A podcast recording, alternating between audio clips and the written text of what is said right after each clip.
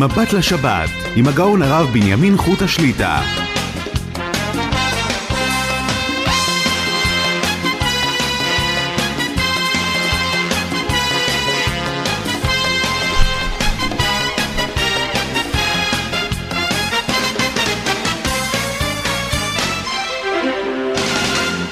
שלום וברכה, ברוך השם נפגשים לשעתיים, מבט לשבת, ערב שבת קודש, פרשת וישב, נודה בתחילה לצוות המסור, יוסף חן וכן שמחה בונים, חפץ השם באדם יצלח.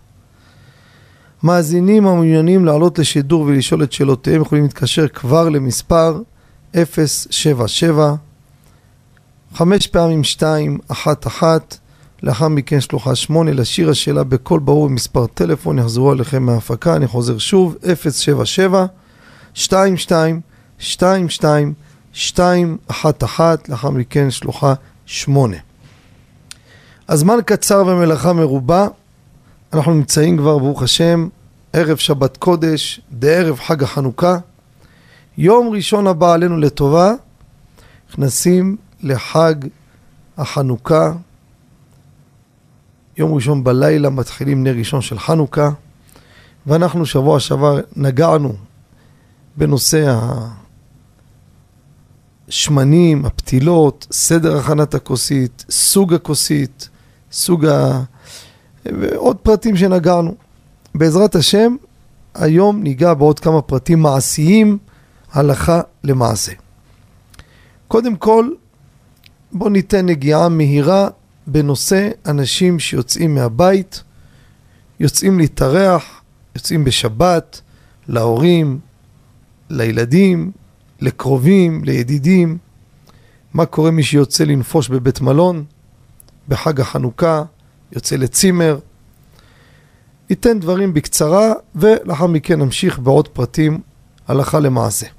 מצוות נר חנוכה, נר איש וביתו. נר איש וביתו פירושו כשאדם נמצא בבית, יש עליו חובה להדליק נר חנוכה בבית, נר איש וביתו.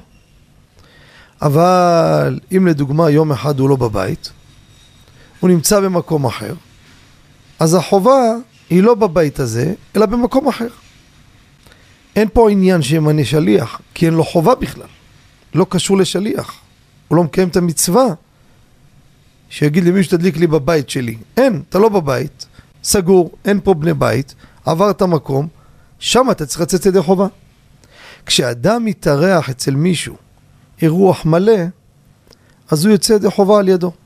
אנחנו יוצאים לשבת להורים, יוצאים לילדים, אז אנחנו יוצאים ידי חובה אצל המארח שהוא מדליק ומוציא אותנו. ואין חובה גם להשתתף איתו בפרוטה, כי כל מה שהוא מארח אותנו, אירוח מלא, זה כולל כל מה שצריך, כולל ההדלקה, כולל הכל, זה כבר מובלע בפנים. מי שרוצה להדר ולהשתתף במשהו, אדרבה, תבוא עליו ברכה, אבל זה לא חובה ולא מעכב. זה, יצאנו לשבת, ברור. אה, יצאנו מהצהריים, בסדר, נהיה שם כל השבת. מוצאי שבת, יוצא שבת, לספרדים, מי שמקפיד רבנותם, יקפיד גם במוצאי שבת חנוכה לרבנותם. חוששים לרבנותם מלאכות דאורייתא, הדלקת האש זה דאורייתא, ימתין לרבנותם. לאשכנזים, רבים מהם לא ממתינים לרבנותם, אפילו שמקפידים רבנותם, כי יש פה מצווה חשובה, אומר, אני לא חושש לרבנותם במקום שיש לי חיוב אחר. אבל דעת חכם עובדיה, להמתין לרבנותם. זה מאמר מוסגר בכל מקום שאדם נמצא, לא רלוונטי אורח או לא אורח. עכשיו אני רוצה להתקדם לשלב הבא. אנחנו עכשיו חוזרים מהערבית, הבדלה, רוצים לצאת הביתה, כן, אבל לא ממהרים. למה? יש מחרת חופש לילדים, עד שבאים לבקר, בואו תשבו קצת, תשתו כוס תה, תעשו סעודת מלווה מלכה, סעודה רביעית, לאן אתם מהרים? נכון, מתעכבים. בזמן הזה אני עדיין אורח שם. הוא מדליק נר חנוכה. האם אני האורח, אני אמור לצאת מפה עוד שעתיים, שלוש, ארבע, חמש. האם אני יוצא ידי חובה על ידו, כי עדיין אני אורח אצלו, או לא? הלכה למעשה. כל עוד שאני הלילה מתכנן לצאת משם, אני לא יוצא ידי חובה על ידו. לא משנה כיוון או לא כיוון, לא, אין, אתה לא יוצא ידי חובה, אתה חייב להדליק בבית שלך. אבל כבודו, אני אגיע בעוד חמש שעות הביתה. עוד חמש שעות תדליק. השולחן עובד היום. הדליק בשולחן בבית, פרסום לבני ביתו, חצי שעה יהיו דולקים. בחצי שעה הזאת מסדר את הדברים, מתארגן, סעודה רביעית אם לא אכל. יגמור, אחרי חצי שעה, הולך לישון, מפחד, יישאר דולקת, מסוכן, לא מסוכן. אחרי חצי שעה מותר לכבות אותה. זה מוצאי שבת, החובה איפה שאתה תהיה. אותו דבר הלך לבית מלון. מוצאי שבת אומר, מה אני רץ הביתה? אני עכשיו נמצא שם, עוד שעתיים שלוש, אני רוצה לשבת בלובי, ליהנות. הכל טוב ויפה, אתה חוזר הביתה, אתה יוצא מפה. חובה שלך הלילה תהיה בבית שלך. עכשיו אני רוצה לדבר כשמגיעים למלון. הלכנו, אדם הולך לבית מלון, יום, יומיים, לא משנה. בית מלון זה בית. שכרנו בית. שכרת חדר, שילמת כסף. ברור. גם אם לא שילמת, קיבלת, קיבלת בית. יש לך חדר עם מפתח, זה שלך, שכרת אותו. שלך. יצאת מהבית, כל בני ביתך, אז הבית שלך זה שם, אתה חייב להדליק חנוכה. החובה עברה לבית אחר. כמו שאני עברתי דירה בחנוכה. בית אחר, אני שם, שם אני חייב להדליק. אלא, זה תשימו לב רמזינים חשובים. בני חנוכה מדליקים בבית, אבל זה בית שיש תנאים. יש פה בעל הבית שמזכיר לי את הבית. ובעל הבית, מי שמשנה מדעת בעל הבית, הרי זה גזלן. זה שידעו כולם. לא דווקא חנוכה. כל הזמן. שכרת דירה ממישהו, אמר לך, תקשיב מראש, יש לי תנאים כך וכך. מוזרים, לא מוזרים, זה לא משנה. שינית מדעתו, אתה גזלן. הוא בעל הבית, הוא בעל המאה, הוא בעל הדעה. נקודה. אין, לא, משה רבנו לא יעזור. הוא בעל הממון. אני מוכן לתת לך את זה בתנאי זה וזה, זכותי. זה הזכות שלי, זה התנאי שלי. מלון, לא רוצה להעביר את כל הפתיח על סיפורים, דברים ש... מבשרי אחרי זה. בדקנו, חזרנו ונקלענו לסיטואציות. יש איסור מוחלט, תשמעו טוב, להדליק חנוכיה בחדר במלון. אפילו עם ויטרינה ואפילו במרפסת של החדר של המלון עם ויטרינה זכוכית, אין סיכוי לשרפה. מי שמדליק במלון או בצימר בלי רשות, בצימר זה פרטי, אולי יסכים אולי לא, תשאל אותו. מלון, אם הסכים המנהל, אדרבה. בדרך כלל אין אפשרות להסכמה. גם אין להם ביטוח, גם מפחדים, לא משנה למה. מי שמדליק שמה, אותו דבר גברת שמדליקה נרות שבת במלון, שתדע, שלוש עבירות במכה. אחת, גזל, ב', מצווה הבאה בעבירה, זה ברכה לבטלה מה שברכה, על נר שבת ועל נר חנוכה. וגם מצווה הבאה בעבירה אינה מצווה, זה בא בגזל. ולכן אין לעשות קונצים. אז מה עושים? יש לכם שתי אופציות במלון איך לקיים מצוות נר חנוכה. אופציה אחת, הכי טובה. כשאני הייתי פה עם הרדיו לפני כמה שנים שהם עשו מלון בירושלים, מי שזוכר, הציבור גדול מאוד, בלאונרדו, מי שזוכר. לא נאריך בסיפור, אני ביקשתי מראש והתניתי שאני בא בתנאי, אני מוכן להיות עם הציבור, שאני בא עם החנוכיה שלי, לא משנה איך זה נפל בין הכיסאות, אמר לי בזה הלשון. המנהל, נפגשתי איתו באותו ערב לפני הדלקה שבאתי. אמר לי, בעלי הרשת אמרו, תשמעו את הלשון, מוכנים לבטל את כל הנופש לכל מאזיני קול ברמה אז שבאו, אני מדבר איתכם אז, אני זוכר, היו בין 500 ל-700 איש, לא היה מקום במלון לסיכה, היה מפוצץ לגמרי. יבטלו את כל הנופש ואתה לא תדליק פה חנוכיה, בחדר. שתבינו כמה העיקרון הזה נכון. יש כאלה אומרים לציבור, לך תדליק, זה בסדר, תשגיח. אין דבר כזה. אין, בעל הבית לא מסכים. אז מה נעשה? שתי אופציות. או, יש הדלקה של המלון, הרב, המשגיח מדליק, מכוון מזכה לכולם, אתה גם יוצא, זה בסדר. אופציה יותר טובה, קחו איתכם את החנוכיה שלכם, ובעל המלון נותן להדליק בלובי. בלובי. הוא שם שולחנות, ואנשים מדליקים חנוכיות. ולמה זה ככה? אני אסביר. כשאני שוכר חדר במלון, לקחתי בית שלי. מה זה הבית שלי? יש לי חדר שינה, זה החדר במלון, והסלון הוא סלון שיתופי. הלובי זה סלון של כולנו, והחדר אוכל של כולנו. הבריכה משותפת, הספה משותף. אז זה גם חלק מהבית שלי. בבית אתה יכול להדליק בסלון? גם פה. ידליק עם ברכה בלובי, הרווחתי. אתה לא רוצה לסחוב איתך חנוכיה? לא רוצה? תצא ידי חובה, על ידי הוא שהדליק, פתרנו את הבעיה. זה בתמצית העניין. נמשיך הלאה. הדלקה בבית הכנסת. בית כנסת מדליקים לחנוכה מנהג. ומנהג הזה מברכים עליו. לא נפלפל כרגע מה קרה פתאום מברכים על מנהג. הרי חכם עובדיה צועק לא לברך על ההלל ועוד ועוד. יש לזה כמה תירוצים. לא נתמקד עכשיו, אני רוצה שיהיה לך למעשה יותר לציבור. מברכים. בית כנסת, יש פה עשרה אנשים, נשים גם מצטרפות לזה, לפרסום, מדליקים מברכים, מצוין. מה קורה? אותו בית כנסת, ויש את זה אלפים בארץ. אלפי בתי כנסיות ככה. יהיה ערבית בזמן. יבואו הרבה אנשים, אנשים חוזרים מהעבודה, מהכוללים, הולכים ערבית והולכים הביתה נר חנוכה. מצוין. אבל יותר מאוחר, בשעה תשע, שמונה וחצי, באים אלו האנשים המיוחדים שקובעים עתים לתורה. גם בחנוכה קובעים עתים לתורה. קל וחומר. והם באים לשיעור תורה. וקבוע שבאים לשיעור תורה, בסיום השיעור יש תפילת ערבית. הם הדליקו בבית. אבל ערבית לא עשו. הם יעשו במניין הקבוע, מותר להם, אין בעיה. האם שם, לפני הערבית, ידליקו שוב חנוכיה עם ברכה? שהרי הבית כנסת הזה כבר הערב הדליק נר חנוכה. מרן רבי עובדיה לא כתב על זה בספר.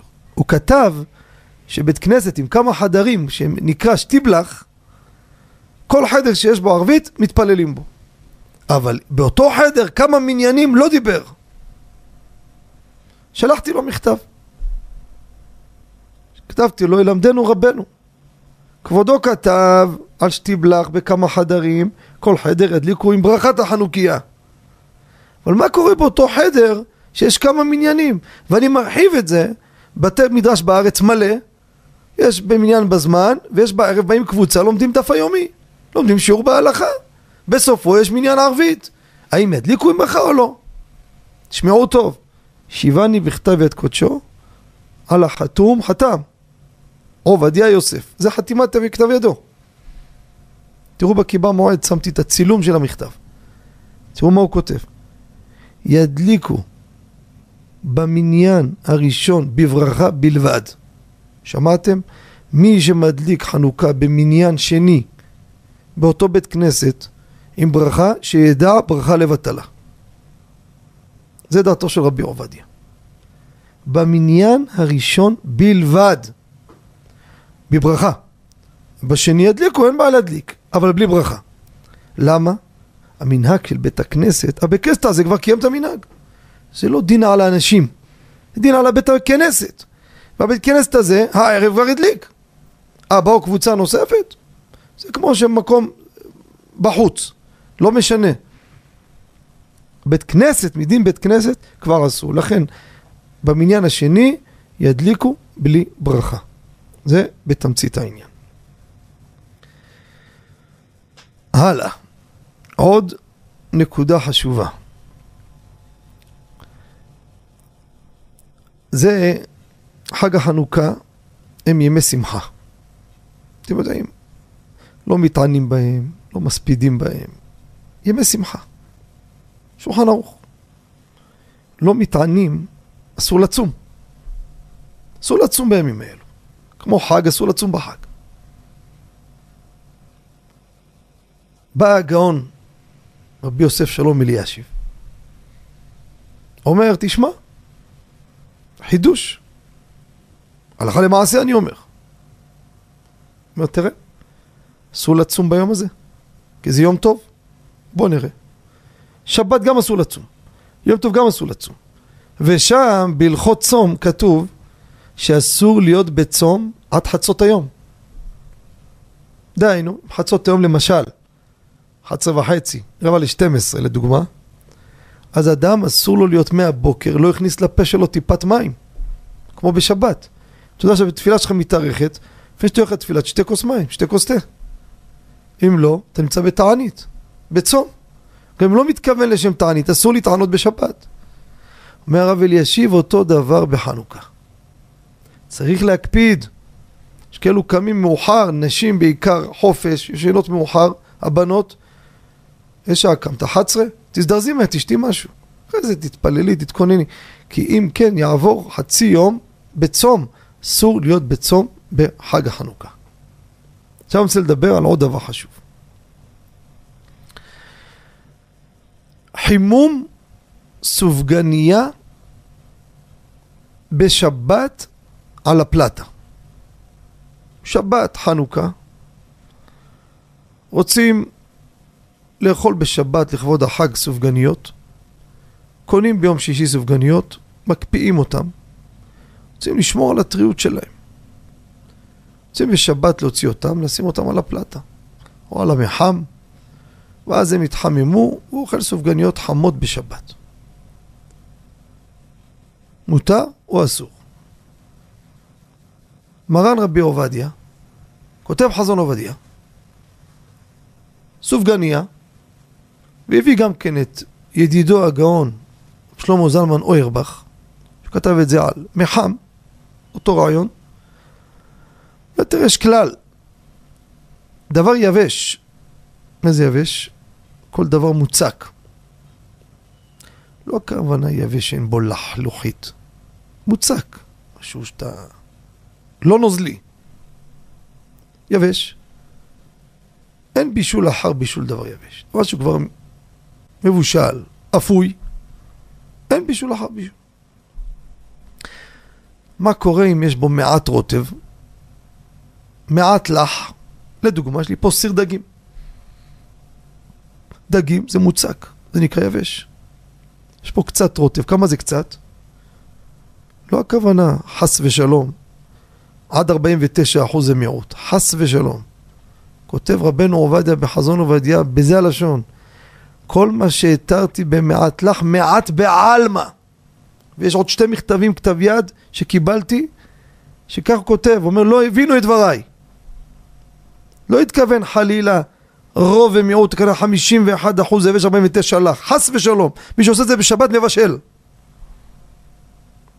ככה הוא כותב בפירוש, הוא. בונים עליו. מה זה? מעט, מבצבץ. קח את הסיר של הדגים, הוא לא מרקי. הנה כל הדגים, יש קצת רוטב ביניהם, אין שום בעיה. הלח הזה עבר בישול, מבושל לפני שבת. נכון שבלח יש בישול אחר בישול, אבל כיוון שהוא מעט, נחשב מצטמק ורע לו, וזה מותר לשים אותו בשבת על הפלטה. לפי זה, בוא נלך לסופגניה. סופגניה היא יבש. יבש. זה? זה לא נוזלי, אבל יש בפנים קצת נוזל. מה זה הנוזל הזה? הריבה. יבש, מיעוט לח, והלח הזה עבר בישול. כל הריבות עוברות פיסטור. מעט לח מוטל להניחו על הפלטה. זה כך הוא כתב. אבל, אחרי שנים, עשיתי בדיקה מעמיקה ביותר. אומר לכם, המון זמן לקח לי. זה בדיקה עם המאפיות הגדולות ועם הקטנות. גם בירושלים, גם במרכז הארץ. יש לי שיעור כבר שנים באיזה מקום, שרוב המשתתפים בשיעור בעלי מאפיות. חלק בירושלים, חלק מנהלים המאפיות הגדולות מאוד. באנג'ל ועוד. והתחלתי את הבירור איתם, ומשם כבר המשכתי הלאה. עוד מקומות, עוד קונדיטוריות. והופתענו לגלות שמה שהיה פעם זה לא היום. ואני אסביר. הריבה, קודם כל שאומרים ריבה, זה סתם משחק מילים, סתם שתדעו. אף אחד לא שם לכם ריבה סופגניה באמת. ריבה זה קונפיטורה עם פירות, זה לא, זה סתם מים עם צבע מאכל עם גלוקוז. זה הריבה שאתם קונים, יש מבצע בסופר, הוא מתלהב. אה, ארבע תשעים רע, מה נתנו לך שם? כוס וחצי פטל, זה הריבה שנתנו לך. אבל לא משנה. את זה מזריקים לך בסופגניה. לא משנה, העיקר שיש טעם בשמחה רבה. אבל בקונדיטוריות, הריבה מגיעה בדליים 30, 50 ליטר. אתה פותח את הדלי, אתה יכול לתת אגרופים שם על הריבה. קשה כמו בלוק. אי אפשר, להזריק, אי אפשר להזריק אותה לסופגניה. אי אפשר, קשה מאוד. מה עושים? צריך לרכך אותה. איך מרככים אותה? יש שתי אופציות. אופציה אחת, לקחת מים רותחים, לשפוך עליה, ואז מתרככת, יאללה, תכניס למזריקים ותתחיל להזריק לסופגניות. מצוין. המים הרותחים האלו גם מבושלים. בסוף זה מעט בסופגניה, בשבת נאכל, הריבה כולה עברה פיסטור בישול, המים ששפכנו גם מבושלים, מצוין. מה הבעיה? וזה חלק מהקונדיטוריות אפילו לא ידעו את זה. וזה אמר לי כימאי שהסביר לי את הדבר, וגם כמה קונדיטוריות מומחים גם ידעו את זה. הוא אומר, תשמע, כששופכים מים רותחים על צבע מאכל, הוא נהרס. אם תיקח צבע תות, זה הריבה שמזריקים לסופגניה, שפוך עליה מים רותחים, ירס לאדום, תאפה לך כמו ורוד. לפעמים תפתחו סופגניה, תראו כמו ורוד. אומר, מה הוא עשה הקמצן הזה? מה הוא שם לנו פה? הוא שם לך את מה שהביאו לו. הוא רק דחף על זה מים רותחים, הרס את כל הצבע. בא קונדיטוריות, אומר, מה פתאום שאני אתן ורוד? אני רוצה, דורש מחיר טוב לסופגניה, רוצה שאנשים ייהנו, לא רק בטעם, בחן, בחסד, גם מהיופי שלה. אז איך תעשה? אם אני מוכן לעבוד קשה להשקיע, מה הוא עושה?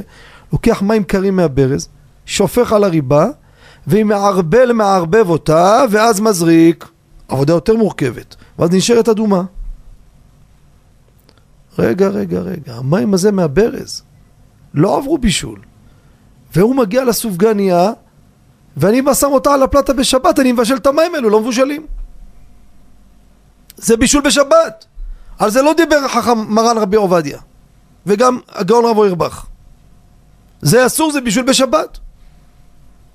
יקום מישהו ויטען. רגע, רגע, רגע, רגע, רגע. יש פה פסיק רשע?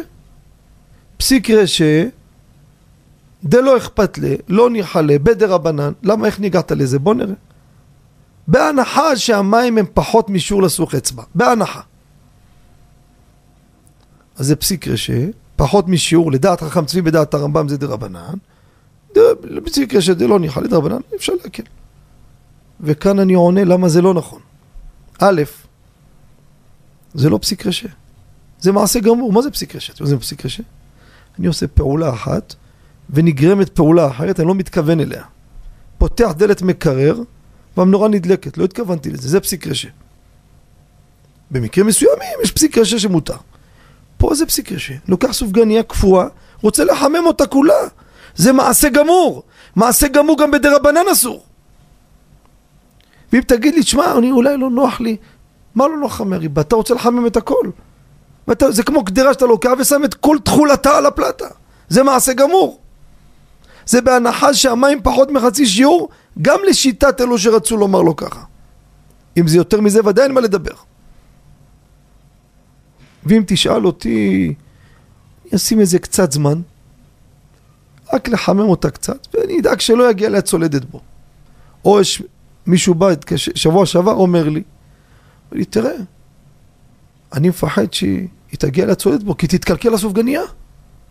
והפרי מגדים כותב, דבר שיש חשש לקלקול, אין חשש לבישול. למה? כי הוא, הוא ייזהר, וגם אם לא נזהר זה יתקלקל, אז זה לא בישול, אז אני אשים אותה קצת ואני מוציא אותה. זה לא נכון. למה לא נכון? מתי הפרי מגדים הזה נאמר? כשאני שם משהו הדוגמה שהוא הביא, שעווה, עופרת, שם אותה על הפלטה, והיא תתקלקל לפני שהיא תגיע לשיעור של יד צולדת בו. אה, היא תתקלקל לפני כן, אז זה עצמו ימנע ממני להגיע לבישול. אבל אם זה יתבשל לפני שיתקלקל, אז מה... איזה... מה, מה, מה יניע אותך? מה, מה יעצור אותך מלעשות את העבירה? על זה לא דיבר, וזה לכן אסור לשים קפה לא מבושל על הפלטה, אף שגם הוא יתקלקל, אבל הוא יתקלקל אחרי שהוא יתבשל, לא הועילו חכמים תקנתם. לכן גם זה לא מתחיל. בסופגניה, עד שהיא תהיה קרש, ייקח זמן שהיא תרתח, החום תרתח, אחרי זה היא תתייבש, יעבור הצולדת בו. לכן, הלכה למעשה, אין צד ומקום להקל להניח סופגניה על הפלטה בשבת. רבותיי, זה עניין שיכול להגיע לדאורייתא של בישול בשבת. ואם יגיד לי מישהו, הנה, בוא נראה את הצבע של הריבה. לפי מה שאמרת, בוא נראה. אם זה אדום, סימן שזה ממכרים, לא נשים. אם זה ורוד, זה הרותחים. האמת שזה נוסחה שאמר לי הכימאי, עוד כמה, אבל זה לא תמיד. זאת אומרת, יכול להיות גם חריגה לפה לשם. אז לכן זה לא יהיה המודד לדעת אם זה מים מבושלים או קרים. לכן, גם לדעת מרן רבי עובדיה, וגם דעת הגאון רבו ירבך, היום, בזמננו שהתעשייה ככה עובדת בשיטה הזו, אין אפשרות לשים סופגניה על הפלטה. אם קנית סופגניה בלי ריבה, תשים אותה, אחר כך תבוא תזריק את הריבה, אין שום בעיה. או אם לקחת את הסופגניה ביום שישי, שמת אותה בתנור, הגיע ליד צולדת בו, אז עכשיו בישלת את הריבה בפנים עוד פעם. אז תקפיא את זה, תוציא את זה בשבת, שים על הפלטה, מותר. אם לא כן, אסור הדבר משום בישול בשבת. אז הנה, כפי שפירטנו, והשתדלתי להביא את כל הצדדים של החולקים כדי להעמיד את הדברים, להשתדל מה שאפשר. בואו נראה אם יש פה עוד כמה נקודות. לפני שאנחנו נצא להפסקה, נראה פה אם יש לנו משהו על חנוכה, עוד נקודה. יש הרבה האמת, אבל משהו ככה... אה, בסדר, אני חושב, אני חושב ככה. אה, זה, עד כאן אנחנו בעצם את הפתיח, רק ניתן פה עוד איזה הודעה ככה. אה, שיעורים בעזרת השם השבוע, יום ראשון חג החנוכה מתחיל.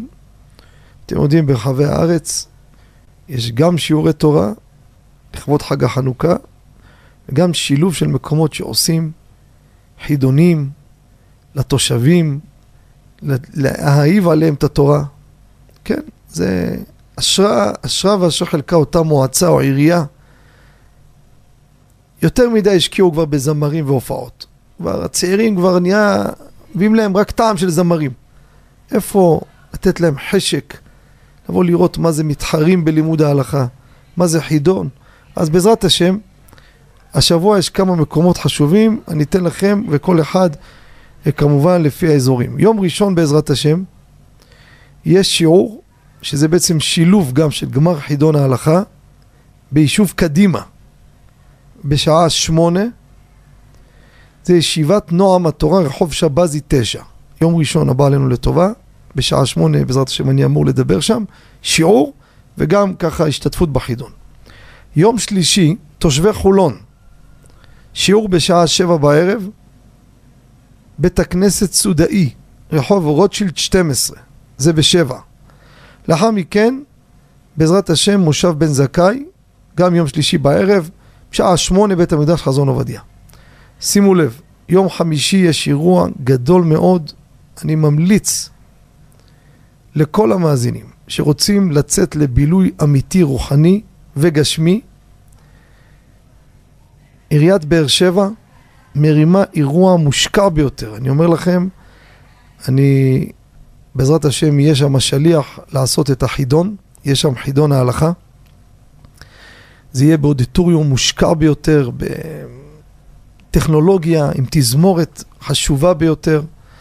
תזמורת גדולה, שילוב רבנים, אבל עיקר הערב זה יחידון מעניין, עם עשרה מתמודדים, עם פרסים, שאלות גם למשתתפים באולם. כדאי מאוד משפחות, אני אתן לכם מספר טלפון, כמובן עכשיו סגור המוקד, אפשר ממחר להתקשר, להזמין כרטיסים. זה באר שבע, אפשר בכל הארץ לרכוש כרטיסים ולבוא. אולם, באמת, אודיטוריום מושקע מאוד, אה, מהרמה, מה, מהחדישים ביותר. אני לא הייתי שם, אבל באתי עם אנשי המקצוע שדיברו איתי לגבי להתכונן לחידון. מדובר פה בערב עם השקעה גדולה, מי שרוצה באמת ליהנות הנאה רוחנית וגשמית, תרשמו לכם, כוכבית 8305. אני אגיש את החידון עם ידיד נפשי המפורסם, הרב הגאון אשר ברדה שליטה. הוא יהיה גם כן המנחה, כמובן, הוא הרוח שגם דוחפת, אתם זוכרים אותו מכל החידונים פה. אז אני והוא ביחד, בעזרת השם, כמובן זה חידון של עיריית באר שבע, שהשקיעו שם מושך בחוטים, הרב הגאון, יוסף חיים, ביטון שליט"א, שהוא הביא את הכל בצורה מקצועית, רוחנית, ברמה מאוד גבוהה. אז כוכבית 8305, ממחר בבוקר אולי אפשר להתקשר להזמין כרטיסים. כל הקודם זוכה, המקומות מוגבלים. זה לגבי השיעורים. עוד הודעה קטנה לפני שנצא. אנחנו בעזרת השם כבר, אתם יודעים מה זה finish, תמיד ב finish יש קצת עיכובים. הספר גמור. אנחנו עדיין בהגעה האחרונה של האחרונה, ויורדים לדפוס הליבדי הלכתה, חלק ד', ספר כ-460 שאלות ותשובות בהלכה, שאלות שלכם, המאזינים, ב, אפשר לומר, בשלוש שנים האחרונות, ותשובות של עבדיכם, שאלות מעניינות בכל התחומים. מי שירצה להיות שותף לזיכוי הרבים, אנחנו עושים גם חלוקה לבתי מדרש. גם שמו יונצח בתוך הספר בתרומה חד פעמית, לא הוראת קבע ולא חתונה ולא כלום. חד פעמי 260 שקלים, אתם מנציחים שם, אם זה לעילוי נשמת עם תאריך פטירה, יודפס בכל הספרים, שיהיו במדו, בחלק הזה, חלק ד', אפשר להבדיל להצלחה, לזיווג, לזרע בר קיימא, לבריאות, מה שאתם רוצים. הזדמנות פז. כל הקודם זוכה, אתן את הטלפון, תשאירו הודעה ויחזרו אליכם. 077 22 22 2 1 1 לאחר מכן שלוחה 8 להשאיר שם וטלפון בתא קולי, בהודעה הקולית ויחזרו אליכם. עוד פעם, 077 5 פעמים 2 1 1 לאחר מכן שלוחה 8. אנחנו נצא להפסקה, מיד לאחריה אה, אנחנו נשוב למאזינים, פרט קטן שכחתי לומר לכם, חשוב מאוד. שבוע הבא, החידון הזה שאני פרסמתי בבאר שבע, ישודר פה ברדיו קול ברמה בשידור חי.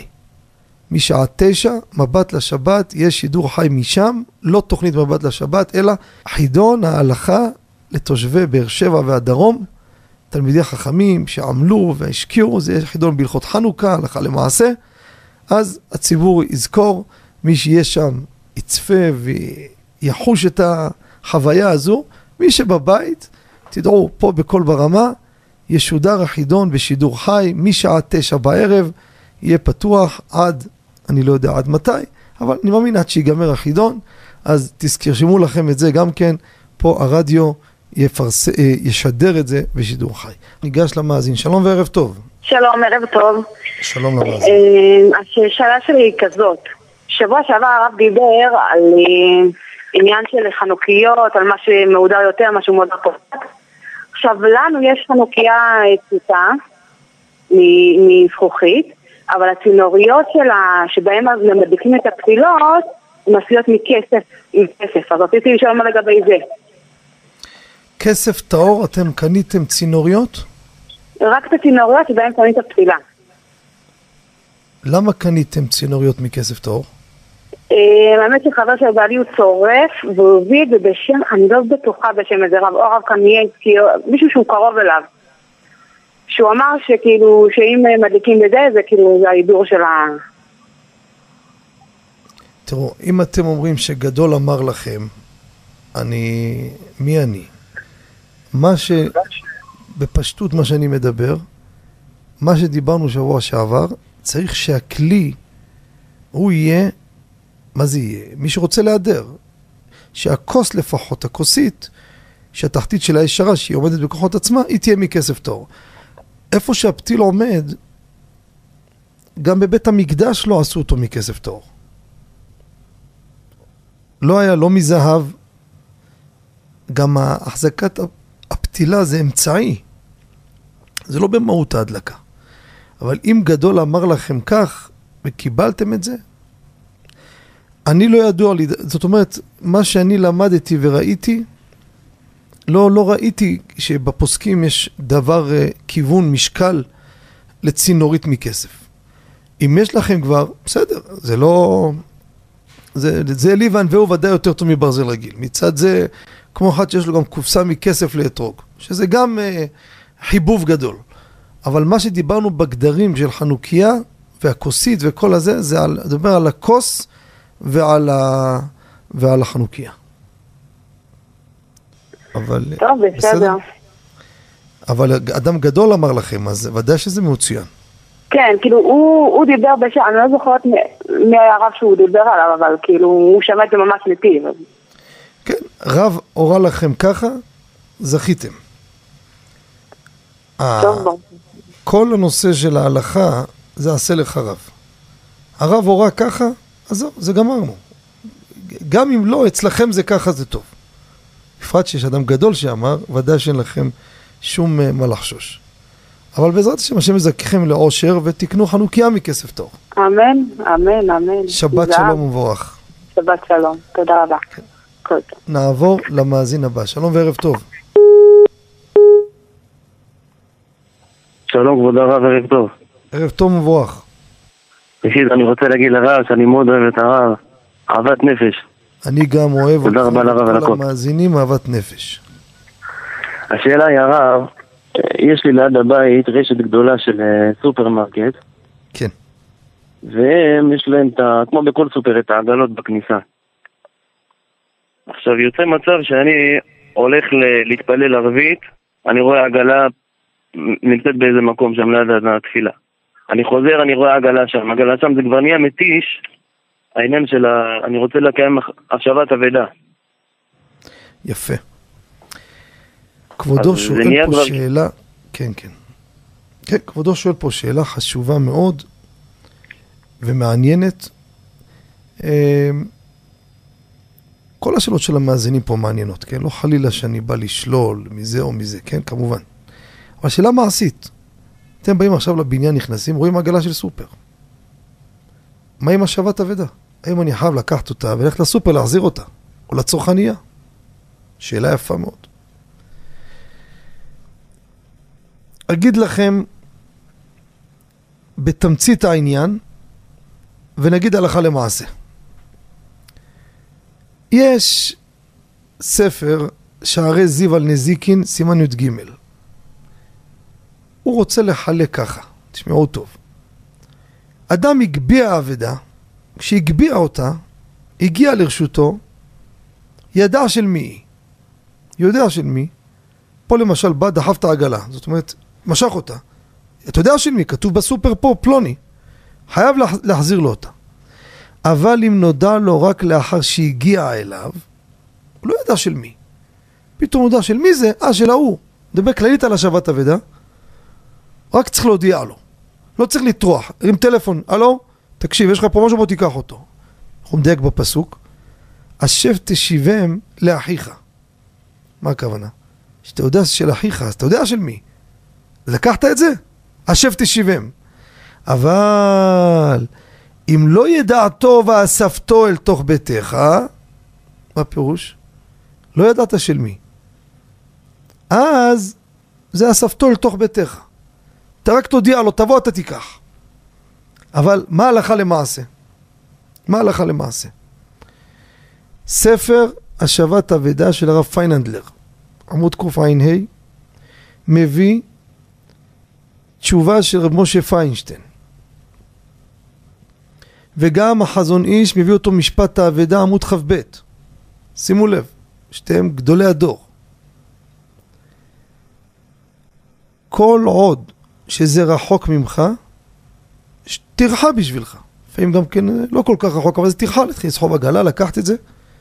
הלכה למעשה, לא צריך לטרוח ללכת להביא להם את העגלה. להודיע להם, יש לכם פה עגלה, בואו תיקחו אותה. איך להודיע? תרים טלפון, או אתה הולך לקניות עוד מעט, בינתיים שים את העגלה בפינה שלא יגנבו אותה, תשמעו, בכניסה בבניין הזה יש עגלה. לא, באו זה בעיה שלהם. ככה גם החזון איש. לכן הלכה למעשה. אתה חזרת מהתפילה, רואה עגלה של סופר, ראה של המכולת. מה קרה? מישהו עשה קנייה ולא השאיר אותה והלך. מופקר הבן אדם הזה. הוא גנב. לקח עגלה, במקום שיחזיר אותה, השאיר אותה והלך. זה אין צד בעולם להתיר את זה. זה חייב להחזיר אותה. אני מדבר על מישהו אחר שהוא בא וראה את העגלה, מה יעשה עכשיו? מה, כמו אחד שמצא שרשרת זהב, אני אומר לו, תרים אותה ו... כן, תיקח, תחביא אותה רגע בצד, שלבוא מישהו יגנוב אותה, אם זה מקום שזה לא יכולים זה. תרים טלפון מיד אליו, תקשיב, עכשיו לפני כמה דקות, העגלה שלכם בבניין 30. תבוא מהר תיקח אותה. אמרת לו, ההוא התעצל, לא בא לקחת, לא אחריותך, לא תפקידך, אתה לא צריך לסחוב את זה לבית ולא שום דבר. זה בעיה שלו. זה הלכה למעשה. השבת אבדה זה להודיעו. לא ללכת אליו לטוח להחזיר לו את זה. בוא זה נמצא פה. זה בסדר. ברור התשובה, כבודו? תשובה ברורה מאוד, הרב, תודה רבה. תבורך. כן. יש שם, אפשר רק עוד הערה, הרב? כן, כן.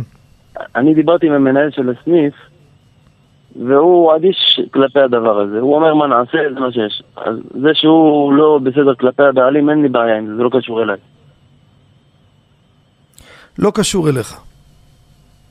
הבנתי. תודה רבה. מה שהוא. מועל בתפקיד, אתה לא צריך לפנות לבעלי הרשת, כי מן הסתם יעשו יותר צחוק ממך, זה א', ב', מנהל סניף מבחינתי הוא הבעלים, אני מכיר אותו.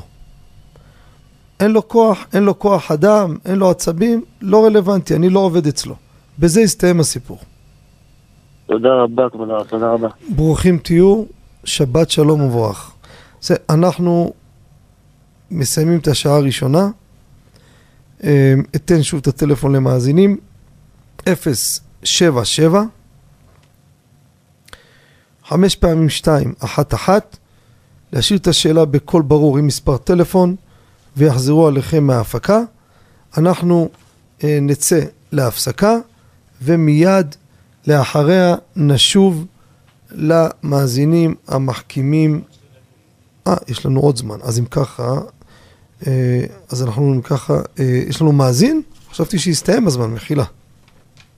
יש לנו עוד מאזין? לא, אם אין לנו מאזין, אז אנחנו אה, ניגע ב, בעוד איזה הלכה. בעוד איזה הלכה, אין בעיה. בבית הכנסת, ההדלקה בבית הכנסת, נקודה חשובה, שמדליקים בבית הכנסת החנוכיה, אם הגבה יוצא, שימו לב, ואין אנשים בבית כנסת, מותר לכבות אותה מיד אחרי עלינו לשבח, אפילו שהיא הייתה דולקת רק כמה דקות. אבל אם יש אנשים בבית הכנסת שאפשר לסמוך עליהם, הלכה למעשה אין לכבות אותה. לפחות חצי שעה. הדלקה של בית חייבת להיות מינימום חצי שעה. מצאת הכוכבים, הדלקה בצאת הכוכבים. חוץ מערב שבת, שבת חנוכה, ששם זה צריך להיות הרבה יותר. לכן אלו שמדליקים בנרות שעווה, קחו בחשבון. בערב שבת, שיהיה נר גדול. שמן, שיהיה כמות יותר. שאם לא, אז זה בעיה. אתה לא יכול לברך על הדלקה שהיא פחות מהשיעור. בבית כנסת, אם יוצאים, אין בזה בעיה, מכבים אותה מיד לאחר מכן. אם לא, משאירים אותה לחצי שעה. אנחנו ניגש למאזינים, בבקשה. שלום וערב טוב למאזין. שלום וערב טוב לרב, שלום עליכם. יישר כוח על התוכנית, תענוג, תענוג צרוף. כבר, כבר, כבר המון המון זמן לסיים ככה את השבוע. תודה רבה. השאלה שהתעוררה אצלנו, אה, אמירת תהילים בלילה, או, כן או לא? זה, אתה מאזין קצר וקולע. כל הכבוד. שואל המאזין הנכבד, מותר לקרוא תהילים בלילה, כן או לא? את התוכנית אתה מכיר, אנחנו נגיד בסוף כן או לא, אבל קודם כל ניתן את המקרים מתי כן, מתי לא. קודם כל צריך לדעת, קריאת תהילים בלילה זה איסור על פי הסוד. מה העניין? זה לא רק תהילים, מקרא גם כן. לקרוא פסוקי תורה שלא בדרך לימוד. כי כל לימוד בא משורש אחר בעולמות, ולילה זה זמן מסוים, לכן זה על פי הסוד. אבל, כותב מרן החידה, בפתח עיניים, הבן איש חי גם בפקודי, סעיף ז', שנה ראשונה, יביע עומר חלק ו' סימן ל', מי שלא יודע ללמוד רק פסוקי מקרא, יכול לקרוא מקרא או תהילים אין בעיה. זה לגבי מי שלא יודע. אבל מי שיודע לקרוא דברים אחרים, ללמוד דברים אחרים, יש איסור לקרוא תהילים בלילה. אבל, מה קורה לאחר חצות הלילה? לאחר חצות הלילה, ביבי עומר שהזכרתי, ועוד הרבה פוסקים כמובן הוא מביא, חצות הלילה מותר לקרוא. ליל שבת וליל יום טוב, גם לפני חצות הלילה מותר. בליל שבת גומר את הסעודה, רוצה לקרוא תהילים, זה מותר. עכשיו, עוד דבר חשוב, תשימו לב, לפני חצות הלילה, מ... מהשקיעה, מצאת הכוכבים, עד חצות הלילה, שאסור לקרוא, אם הוא קורא לצורך חולה או צרה אחרת לא עליכם, לא עלינו, כותב יביע אומר בחלק י' סימן נ"ה, על רב פעלים חלק ב' אות א', שאפשר להקל בזה, בפרט לצורך רבים. אז בואו נסכם, הלכה למעשה, לכן אמרתי כן או לא, זה תלוי. מי שיודע לקרוא דברים אחרים ללמוד, מתחילת הלילה עד חצות הלילה אסור לקרוא, לא תהילים, לא תורה, לא נביאים, לא כלום. קריאה, לימוד כן, להבין זה מותר, אבל קריאה אסור. ליל שבת, ליל חג, כל הלילה מותר. אם זה לצורך רפואה חולה או צרה שלא תהיה, אפשר להקל כל הלילה. בפרט אם זה לרבים, אבל גם בלי רבים, גם לפרטי, גם כן מותר. דרך אגב, ליל ראש חודש הוא לא כמו ליל שבת וליל יום טוב, והוא אסור בלילה עד חצות. זה בתמצית הלכה למעשה. בסדר כבודו? אה, בסדר, אחרי, ש... אחרי ששאלתי אז אה, יש לי תשובה, אבל אה, אני, אני, אשתי ואני בבעיה. אנחנו כל יום משתדלים לקרוא כמות של פרקי תהילים, כן. לא תמיד היום מאפשר לנו בגלל טרחת היום, אז אנחנו מנצלים את הערב. אז יש לי עצה בשבילכם. נו, אז בקשה? מה אתה אומר? נו, מה, מה הרעיון? מה הפתרון? הפתרון שלפי לפי מה שהרב אמר, הפתרון הוא למחרת להשלים כפול. לא, עוד פתרון. תכוון עבור חולים. אוקיי. הנה. בסדר. שמשלח רפואה שלמה לכל חולה עמו ישראל. אמן. לא, לצערנו לא חסר חולים. תכוון על חולים או על איזה צרה של מישהו, ואפשר בלילה גם כן לעשות את מה שאתה עושה. אמן. אמן, יישר כוח. שיהיה לכם שבת שלום ומבורך. כל טוב יישר כוח הרב, כל טוב. ברוכים תהיו. נעבור למאזין הבא. שלום וערב טוב. שלום וערב טוב הרב. שלום עליכם. רציתי לשאול, כבוד הרב, אני משלם מראש על השאלה, אבל אה, אתה רואה ללמוד אני צריך. מה הדין אדם שנמצא בעברות ומטרסים, אה, כגון בית הכיסא, ופתאום מתחדש לו איזה חידוש, אה, פתאום אדם יכול שיוצא מאיזה לימוד, הוא נמצא, פתאום קפץ לו איזה רעיון, והוא יודע שאם הוא לא ירשום את זה באותו רגע, זה יעלה. הוא מכיר את עצמו, ראיתי את זה קל לי עשרות פעם, אני חושב. וזה פשוט ייעלם אם הוא לא ירשום את זה באותו רגע. השאלה אם אה, יש דין דבר עובד בדבר הזה, אם הוא מותר לרשום את זה, או שהוא צריך מיד לסלק את זה במחשבתו, ובשביל פנים באופן אה, לא להיכנס לזה, ויעשו. קודם כל, השאלה של כבודו, משהו משהו. אני רוצה להגיד לך מה גרמת לי. אתמול, בסיום הכולל, לפני שיצאתי, התחלתי לעיין בנושא הזה, והיה לי חידוש, הייתה לי שמחה גדולה מאוד אתמול. היה לי חידוש גדול, אם אתמול הייתה תוכנית מבט לשבת, הייתי אומר משהו שהבוקר קמתי, התהפכתי, וירד לי המצב רוח כי החידוש הזה נפל. אבל השאלה שלך אתגרה אותי מאוד. תשמע, אני אציע את הדברים רבותיי. שואל פה המאזין הנכבד, שאלה מעניינת מאוד. למה הוא מתנצל ומתבייש אני לא יודע. אבל תשמעו את השאלה שלו. הוא נכנס, חוץ מכבודכם, לבית הכיסא. שירותים. יושב שם, פתאום עלה לו איזה חידוש. וואה. להבנה בבית יוסף, הבנת תוספות. חידוש בהלכה. הבן אדם אומר, רגע, רגע, הוא כרגע יושב בשירותים. אז הוא אומר, רגע, אסור, אסור, אסור, אסור לדברי תורה לחשוב במקומות המטונפים. אבל תראי, אם אני עכשיו לא אוציא עט ואכתוב את זה שם, שאני יושב בשירותים, אני אאבד את החידוש הזה. אני אאבד אותו. אני אצא מהשירותים, אני אשכח מה אמרתי. דבר אבד. מה אני עושה? מה אני אגיד לך? שאלה יפה מאוד. דרך אגב, אני רוצה לומר למאזינים, אנחנו פה כמו משפחה מדברים. כשהייתי בישיבה, היה לי רם, מה זה רם? רב מגיד שיעור. בראשית חוכמה שלמדתי אצל מורי ורבי עטרת ראשי, חם שבתאי אתון, צאצא קדוש לברכה. היה לנו רב בישיבה, ייבדל לחיים, רב מנחם שפירא שליטה, רב הגאון. היה עושה שיעורים בעיון. זה היה שיעור ב' ישיבה גדולה. הרבה פעמים כשהיינו מתפלפלים, אני אומר לכם עובדות מה היה, לא אומר לכם סתם. חוץ לכבודכם הייתי הולך לשירותים, יושב שם, חוזר, אומר לו תירוץ, הוא היה מתפעל מאוד. מאיפה הבאת את זה? אמרתי לו, הרב לא יצחק. זה לא פעם ולא פעמיים, אני נכנס לשירותים, אני חוזר עם תירוץ יפה. וזה שיגע אותי גם כן. איך יכול להיות, ואני אומר לכם את זה, מאזינים ששומעים אותי, תלמידי חכמים יודעים מה אני מדבר. הרבה שנמצאים שקועים בלימוד, נכנסים לשירותים, יוצאים מהלכים חבל על הזמן. וזה הדבר, איך יכול להיות? אני לא אומר לכם סתם דברים.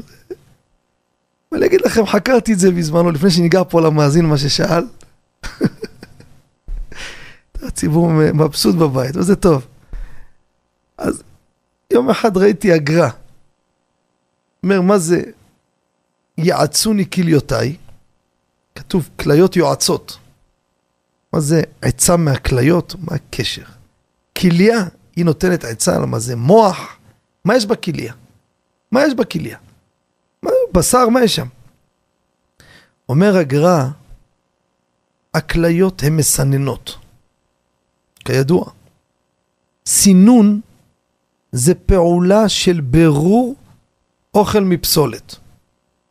העצה באה מהכליות, למה? עצה פירושו לסנן, לעשות ככה או לא ככה, את זה לא לעשות, את זה לעשות. אז בזמנו שבדקתי, לא זוכר ממי קיבלתי את זה, אמר לי, תדע לך, בבית הכיסא הגוף מפריש פסולת, נעשה באותו זמן בירור וניקיון. אז המוח מקבל גם ניקוי ואז אתה יכול להבריק בדברים. זה סתם, אני אומר לכם נקודה מעניינת שדיברתי עם כמה תלמידי חכמים שאמרו לי שהתופעה הזאת ידועה. עכשיו בוא ניגע לה הלכתית מה עושים. מרן כותב סימן פ"א סעיף ב' לערער בדברי תורה אסור בבית הכיסא ובבית המרחץ ובמקום הטינופת. הוא המקום שיש בו צואה ומרגליים. אסור להרהר רבותיי, אסור לחשוב על דברי תורה בשירותים. הבית יוסף, פתחתי את הבית יוסף, מביא רבנו מנוח. מביא דברי ירושלמי, תלמוד ירושלמי, שכותב שם, מותר לערב דברי תורה בבית הכיסא. כותב רבנו מנוח, שהבבלי והירושלמי אין מחלוקת. אם הוא מתכוון לחשוב בדברי תורה, הוא בא עכשיו לשירותים, הוא מתכנן להתחיל לחשוב, בוא נשב שם, נתחיל לחשוב, זה אסור. אבל אם חשב לאונסו, בתוך לימוד, היה בלימוד, נכנס לשירותים, הראש שלו בלימוד עכשיו, הוא לא התכוון מסכן. הראש שלו שמה, מי שמונח בזה, על זה הוא חושב. כשאנשים חושבים על כסף כל היום, אז הראש שלהם גם בשירותים בכסף. אחד שכל היום הראש שלו בתורה, אז גם בשירותים הראש שלו בתורה. הוא לא מתכנן את זה, זה אוטומט יוצא לו. אומר רבנו מנוח מביא אותו בית יוסף, במקרה כזה מותר. גמרא זבחים, ישנה בורה מביא, תפרי מגדים, זבחים קב עמוד ב', תשמעו טוב. גמרא אומרת אמר רבא, שם גרסה רב, לא משנה. את הדין הזה, כך הוא מביא שם, דין לגבי, לא משנה מה. מרבי אלעזר ברבי שמעון שמעתי איפה? שאמר את זה בבית הכיסא. הוא מביא שם איזה ספק, אומר הפרי מגדים, באש של אברהם, לאונסו מותר. רבי אלעזר ברבי שמעון היה אנוס, היה כל הראש שלו בלימוד, נכנס לשירותים, מסכן לא יכול להשתלט, הראש שלו בלימוד. כותב המשנה ברורה, פ"ה סעיף קטן ח', מותר לאונסו. באונס מותר. מה זה מותר? בהתחלה חשבתי, מה זה מותר הזה? מה זה מותר? אם הוא אנוס, הוא עשה, מה זה מותר? מותר, לכאורה, לפי רבנו מנוח, כמו שאמרנו, אם אתה לא תכננת את זה, אז אתה נמצא בתוך המציאות הזאת, ואתה באונס נכנסת לזה, אתה... מותר, מותר. מביא אפילו, יש שאומרים אפילו הוציא מפיו. מה הראיה? מהגמרא בזבחים, הוא דיבר איתו בלימוד בתוך השירותים. אז לכאורה חשבתי מפה, אדם הזה אנוס מסכן, עלה לו חידוש, מה יעשה עכשיו? אז הוא לא רוצה לאבד אותו, ירשום, אנוס כבר. אבל אי אפשר להגיד את זה הלכה למעשה. אי אפשר. אני לא מוצא מקום להקל, לצערי שהחידוש הזה ילך, שאדם בשירותים עלה לו חידוש, והוא יצא ויאבד את החידוש, כואב הלב, ואני אגיד לכם למה. אף שהלשון מותר בפרי מגדים, במשנה ברורה כותב מותר, ומי שרואה מותר, אי אפשר לומר מותר על דבר שאדם עשה כבר. מה זה מותר? מותר זה נשמע מותר לך, זאת אומרת המציאות תמשיך. אבל אומר המשנה ברורה בסעיף קטן ח', תראו מה הוא כותב. מה זה ערער לאונסו מותר? אם ערער לא עשה איסור מאחר שהיה לאונסו, אבל לכתחילה חובת האיש לדחות הערעור ממנו. אם ככה, עלה לך חידוש, אתה לא יכול להמשיך עכשיו שאתה בא, אומר לי אני רוצה לכתוב, אין דבר כזה. אתה צריך לדחות את הערעור ממך. ככה הוא עומד גם בדעת המתירים. צריך לדחות את זה. לפי זה נראה שקשה להתיר להוציא עט ולכתוב בשירותים את החידוש שלא תאבד אותו. בדרך אגב, פסקי תשובות בעמוד תרל"ט מביא את המונקאץ' בספר דברי תורה חלק ד' או צדיק לא ראיתי אותו בפנים, ראיתי אותו בפסקי תשובות מביא אותו אומר חידוש שאדם עלה לו בבית הכיסא שלא יהיה נקיפות מצפון, תשמע, סטרא אחרא, טומאה, אין קשר בכלל. חס ושלום לבטל את החידוש הזה. זאת אומרת, אתה לא תגיד, שמע, זה חידוש משם, עזוב אותי. לא, אין דבר כזה, מה פתאום? הלך חידוש, אנחנו בני אדם, לא ניתנה תורה מלאכי השרת. יש חכם בן ציון, אם אני לא טועה, בהלכות שופר. הוא דן שם, מי שהיה בשירותים, יצא לבית כנסת בראש השנה, והיה בשירותים, שמעת קריאת שופר. ידוע ביאור הלכה שקיום מצווה אפשר לעשות בבית הכיסא, כן? בלי ערעור. מי שיצא ידי חובה, כותב שם בהערה, להרהר תשובה בבית הכיסא מותר. אור לציון. אבל מה שכן נקודה אחרונה אני רוצה לומר פה, שאם אדם יש לו בר מינן הרהורי עבירה בשירותים, כותב המשנה ברורה, סעיף קטן י"ג, סימן פ"ה, מותר להרהר בדברי תורה כדי להסיר הרהורי עבירה. שמעתם?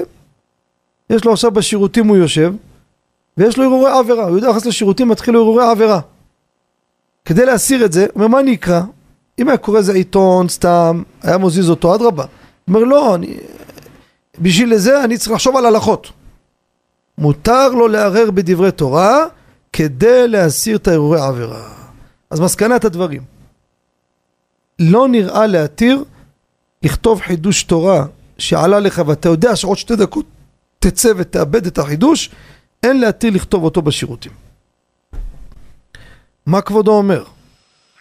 כן, תודה רבה לרב. מה כבודו אומר? הרב זה כולל גם אה, אה, תזכורת, נגיד, להתפלל מנחה וכדומה? תזכורת להתפלל מנחה זה לא דברי תורה. אני לא רואה בזה בעיה. כן. לא, זה לא דברי תורה. משימה להתפלל מנחה. לא רואה בזה אדם, זה לא דברי תורה. הוא צריך לברך. כותב, אני תזכורת, אני אברך. אין בזה בעיה. אבל אני מאוד נהניתי מהמהלך של כבודו ככה, מהשאלה המעניינת הזאת. מאוד שימחת אותי. תודה רבה כבוד הרב. יישר כוח. אמר איזה אדמו"ר אחד לאיזה חסיד, אתה שומע? כן. שהוא נכנס לשירותים כל הזמן, היה יוצא עם חידושים. אמר לרבה, מה יהיה? אמר לו, קח ספר על תכונות הטבע ותלמד טבע שם, תפסיק לחשוב על דברי תורה. הוא הכניס ספר טבע, שם אותו בשירותים, כל פעם שיושב, קורא כמה דפים. יום אחד הוא קורא שאם אדם ייקח שומן של בהמה, מעורב עם חלב, בשר בחלב, יערבב אותם, ישפוך על הזרעים של העץ, יצאו לו פירות מתוקים. עלה לו חידוש בשירותים, אמר עכשיו אני מבין מה הסמיכות ראשית ביקורי אדמתך תביא בית השם אלוהיך לא תבשל גידי וחלב עמו. מה הקשר בין הביקורים? אומר ביקורים תביא אבל לא מבשר וחלב. הלך לאדמו"ר אמר לו תראה איזה חידוש יצא לי מהספר טבע הזה. אמרו לו חידוש יפה אבל עם ריח סירחון. שיהיה לך שבת שלום. רק שלום. כל טוב. נעבור למאזין הבא, שלום וערב טוב. ערב טוב. ערב טוב. אה, כבודו ירים את הקול, לא שומעים. יש בקופת חולים אה, פלטיניום, מושלם ודברים כאלה, כן. שמקבלים התאמות לילדות. יש כאלה שלוקחים, מביאים אה, אישור של תומכת לידה, ובאמת לא היה, ומקבלים איזה החזר מהקופה וקונים מה שרוצים. השאלה אם הדבר מותר. יפה. ועוד שאלה, אה, עלה השבוע חזון ספרדי, אבל התפלל הכל בעברה אשכנזית, אה, מותר לענות על הברכות שלו. יפה. אני אענה בקצרה. השאלה הזאת הראשונה שכבודו שואל, אני אומר לכם, אין יום, לא זוכר יום, לא אגיד אין יום, לא זוכר יום שאין לי שאלה או שתיים שאנשים מתקשרים לשאלה הזאת. לא מגזים לכם. כל הזמן מתקשרים, אנשים רוצים לממש הטבה מקופת חולים ליולדת, נותנים לה לדוגמה אה, אה, כל מיני דברים, ואישה לא צריכה את זה, אז היא משיגה כל מיני סוחרים, סוחרות למיניהם, שהן מוציאות לה קבלה על הדבר הזה, והם בעצם ימשכו, ימשכו את הכסף מהקופה, תקבל את הכסף, אבל למעשה, מה שנתנו לה הטבה באמת, לא השתמשה בה, וזה מה שכבודו שואל, כמו ייעוץ הנקה ועוד דוגמאות. או הולכת לבית החלמה, לוקחים את זה וכל מיני. אני אגיד לכם, ממש בקצר וקולע. לא משנה איזה קופה. כל מה שדיברתי בעבר, כל מיני שימוש בקופה למישהו אחר, שיש הסכמה בכללית, מאוחדת, מכבי, חוץ מלאומית, לקנות אקמולים, בית מרקחת, משאבה, דברים כאלו, עבור מישהו אחר שהוא לא בקופה או בקופה ואין לו את ההנחה הזו, זה הם מסכימים כולם, חוץ מקופת חולים לאומית. הם לא מסכימים בשום פנים ואופן, זה רק בתוך הבית מרקחת של הקופה. אבל הטבה חיצונית, שזה לאו דווקא מה שכבודו הביא לגבי יולדת. גם זה, גם משקפיים בקופה מאוחדת למשל, או כללית, לא משנה איזה קופה נותנים לילדים, משקפיים בשנה. הילד שבר את זה, הולכים לזה, אומרת לה הקופאי, בחנות משקפיים, בוא, עזוב, תביא תעודת זהות של ילד השני, הוא בלי משקפיים, הוא גם זכאי, ונעביר לילד השני. תקשיבו טוב, כל הקונצים האלו, גזל גמור. הקופות הן פרטיות, תדעו לכם. גם מי שיגיד לך הוא גונב מהמדינה, הוא לא יכול לקחת מהקופות, זה לא מדינה, זה פרטי. גם אלו שיגידו לך שהם גונבים מהמדינה. פה זה לא רלוונטי. הדרך היחידה להביא היתר לזה? תפנה, או האישה תפנה, למנהל או מנהלת סניף הקופת חולים שאתם נמצאים. לדוגמה, אחד, אחת נמצאת בסניף קופת חולים מאוחדת קריית גת. דוגמה. הולכת לקופה שלה, נכנסת למנהל, או מנהלת הסניף, מי ששם מנהל את זה. שלום, עשינו שאלת רב, כך תגידו. רב אמר, לאחר בירור מקצועי, אם אתם תיתנו הסכמה אפילו בעל פה, אני יכול לעשות את זה. אה, נתנו לי הסכמה. יכול להגיד לך המנהל או המנהלת, לא, לא, אני לא נותן, לא נותן. אתם רשאים לאיים עליהם, חד משמעית. אם אתם לא תיתנו לי, אני בלי נדר, בעונה הבאה, עובר קופה, אני, אשתי והילדים כולם עוברים קופה אחרת. תראו, פתאום הכל משתנה. ומותרים לעשות את זה רבותיי, הכל פה מסחר. הם סוחרים, זה לא גמח. קופות זה תעשייה של כסף. וגם אתם צריכים לדאוג לעצמכם. לקחת בלי רשות גזל גמור. לאלץ אותם שאם לא תיתן לי את ההטבה אני עובר קופה, זכותכם על פי ההלכה אין שום חשש בזה. אז אני אומר לכם מניסיון שאני אומר לאנשים וזה עובד, ברוב הפעמים או רוב המוחץ זה עובד יפה. ולמה אני אומר מנהל מנהלת הסניף? הם באמת מוסמכים לזה. הם אומרים לכם לפעמים לא, כי הם לא רוצים כאב ראש. אבל הם, יש להם את הפריבילגיה לשימור לקוחות.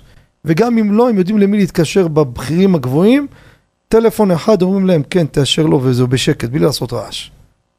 אני אומר לכם את זה בידיעה, אני לא ממציא הערכות והשערות. לכן חבל שתפסידו, אבל תעשו את זה על פי ההלכה. לא לעקוף ובלי רשות אסור. לבוא אליהם, אתם, לא, לא, תגידו כן, אתם מוסמכים. לא תיתנו, תדעו לכם, תחנת מעבר הבאה, אני, אשתי וילדיי, כולם עוברים קופה, אתם תפסידו עלינו עשרות אלפי שקלים.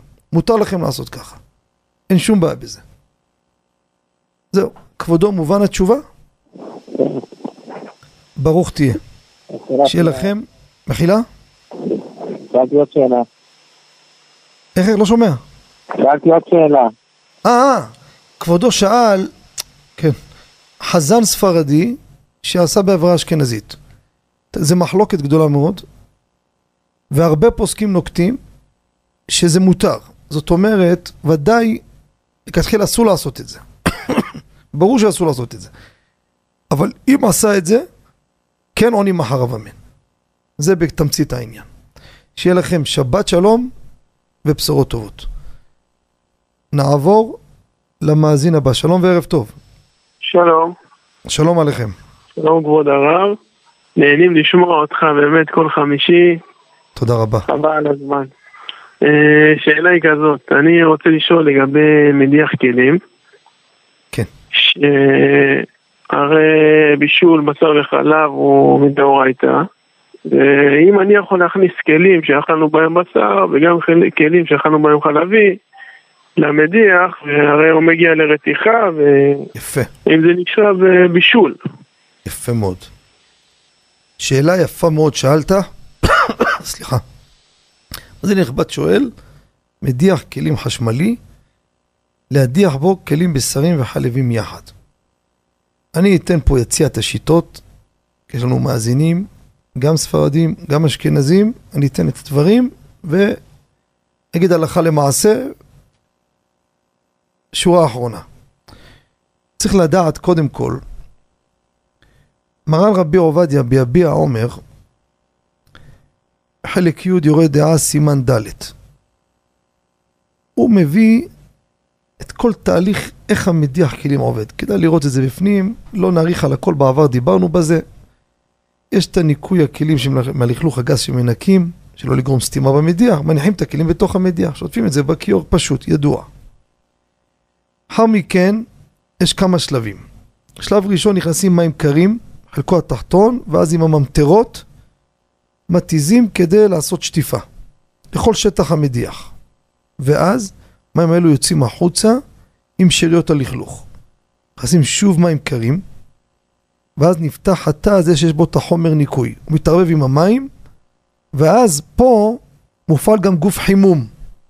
מה שכבודו אמר. בתחתית המדיח, מחמם את המים, טמפרטורה של 55 מעלות זה הדחה קלה, צלחות, סכו"ם, או 70 מעלות, הדחה יותר חזקה, זה לסירים וכולי, ואז המים מותזים עם חומר ניקוי דרך הממטרות על כל הכלים. ואז כל השומן, לכלוך נשטף, כ-20 דקות, איזה שטיפה ועוד שטיפה, אחרי זה יש הברקה, אני תמצאתי. נחלקו בזה הפוסקים במדיח הזה איך להתמודד איתו. יש פה סוגיה, מרן בצדיקי סעיף ג' יורה דעה, לגבי קערות של בשר שהוטחו ביורה חולבת, בחמין שאת צולדת בהם. והלכה למעשה ככה, אני אגיד לכם את הדברים. רב משה פיינשטיין, באגרות משה חלק ג' אורח חיים סימן נ"ח וחלק ב' סימן כ"ח. כך הוא כותב, אין חשש להפעיל לכלי בשרי ואחר כך חלבי. זה נת ברנת דהתרא וכולי. אבל הוא כותב צריך שיהיה ברשתות שונות. כי לפעמים יש שאריות ברשת. זה רב משה פיינשטיין. הרב אלישיב, הוא נוקט לגמרי. אבני השפם מביא אותו חלק ג' סימן ע"א, אומר חייב מדיח אחד לבשר, אחד לחלב. יש פעמים בשר בעין. אבל, זה אני אמרתי את הפוסקים האשכנזים התחלתי. רבי עובדיה, ביביע עומר, מעיקר הדין, מי שרוצה להקל, לשטוף אותם ביחד, יש לו מה לסמוך. ולמה? הוא כותב בעצמו אבל, עדיף להדיח אותם זה אחר זה, לא ביחד. מה הסיבה? כבודו שואל שאלה יפה, יש פה הם רותחים, יש פה בישול. מכיוון שה... סליחה. החומר הזה פוגם את הבלוע, אז אין חשש בדבר הזה. בישול, בשר בחלב, בשר, חלב, לא בשר פגום, חלב פגום. כמה שיש פה חומרים הם פוגמים, על פי מרן בצדיקי סעיף ד'. לכן הלכה למעשה. אשכנזים החמירו בזה. מי שרוצה להקל, ברשתות שונות. משה פיינשטיין שיקל, אמר ש... כמו שאמרנו, שיהיו רשתות שונות. אבל לספרדים, סליחה, יביע עומר שהזכרתי, מי שרוצה, אחרי שטפת לכלוך הגס כמו שאמרתי, רוצה להכניס אותם ביחד למדיח, רשאי, אבל הטוב ביותר, לעשות אותם אחד אחרי השני. בפרט שגם בשטיפה, שהוא גומר, הכל מתנקה. גם אם יש שאריות קלות, זה ודאי פגום, ולכן אין בזה חשש. זה בתמצית העניין. תודה רבה, הרב, לרפואת כל עמוד ישראל. אמן. שיהיה לכם שבת שלום ומבורך. אנחנו נצא להפסקה, מיד נשוב למאזינים, בבקשה. אתם מאזינים ל"מבט לשבת" עם הרב בנימין חוטה. שבנו מהפסקה, ניגש למאזין יבא שלום וערב טוב. שלום כבוד הרב. שלום עליכם. שלום וברכה. אה, קודם כל נהנים מאוד מהתוכנית, תודה רבה לרב כל שבוע על ההקדשה הרבה שהרב אה, נותן לנו. תודה רבה. אה, רציתי לשאול בבקשה את הרב שתי שאלות. שומע? הרב שומע חמוד, אותי? כן, כן. כן, שאלה ראשונה, אה, ראיתי באחד אה, המקומות שהביאו בשם אה, הרב אברהם גיניחובסקי זצ"ל, ש... שאלה מעניינת, אבל לא, לא היה כתוב תשובה על זה, לגבי אבוקדו, שאדם, שיש פטנט שאם רוצים שאבוקדו לא ישחיר, אז משאירים את הגרעין בתוך מים, ואז זה גורם שהפרי עצמו לא משחיר, אומרים שזה דבר שהוא בדוק ומנוסה. השאלה שהייתה זה אם, אם אנשים רוצים לעשות ניסיון אה, בשבת, אה, לשים אה, אישה שצריכה ללדת וההורים רוצים לדעת בשבת אם היא ילדה או לא ילדה וההורים גרים בעיר אחרת לדוגמה, אז למשל לשים אצלם בשבת אה, אבוקדו ואת הגרעין לשים בתוך המים בבית של היולדת ואם היא תלד בשבת אז בעצם יוציאו את הגרעין מהמים וככה האבוקדו ישחיר בבית של ההורים והם ידעו שהבת ילדה.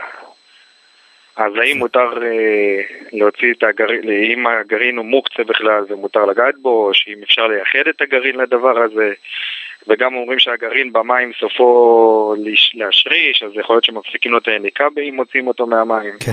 אז אה, אשמח לשמוע את הרב. יפה. שאלה הזו שאלה יפה מאוד.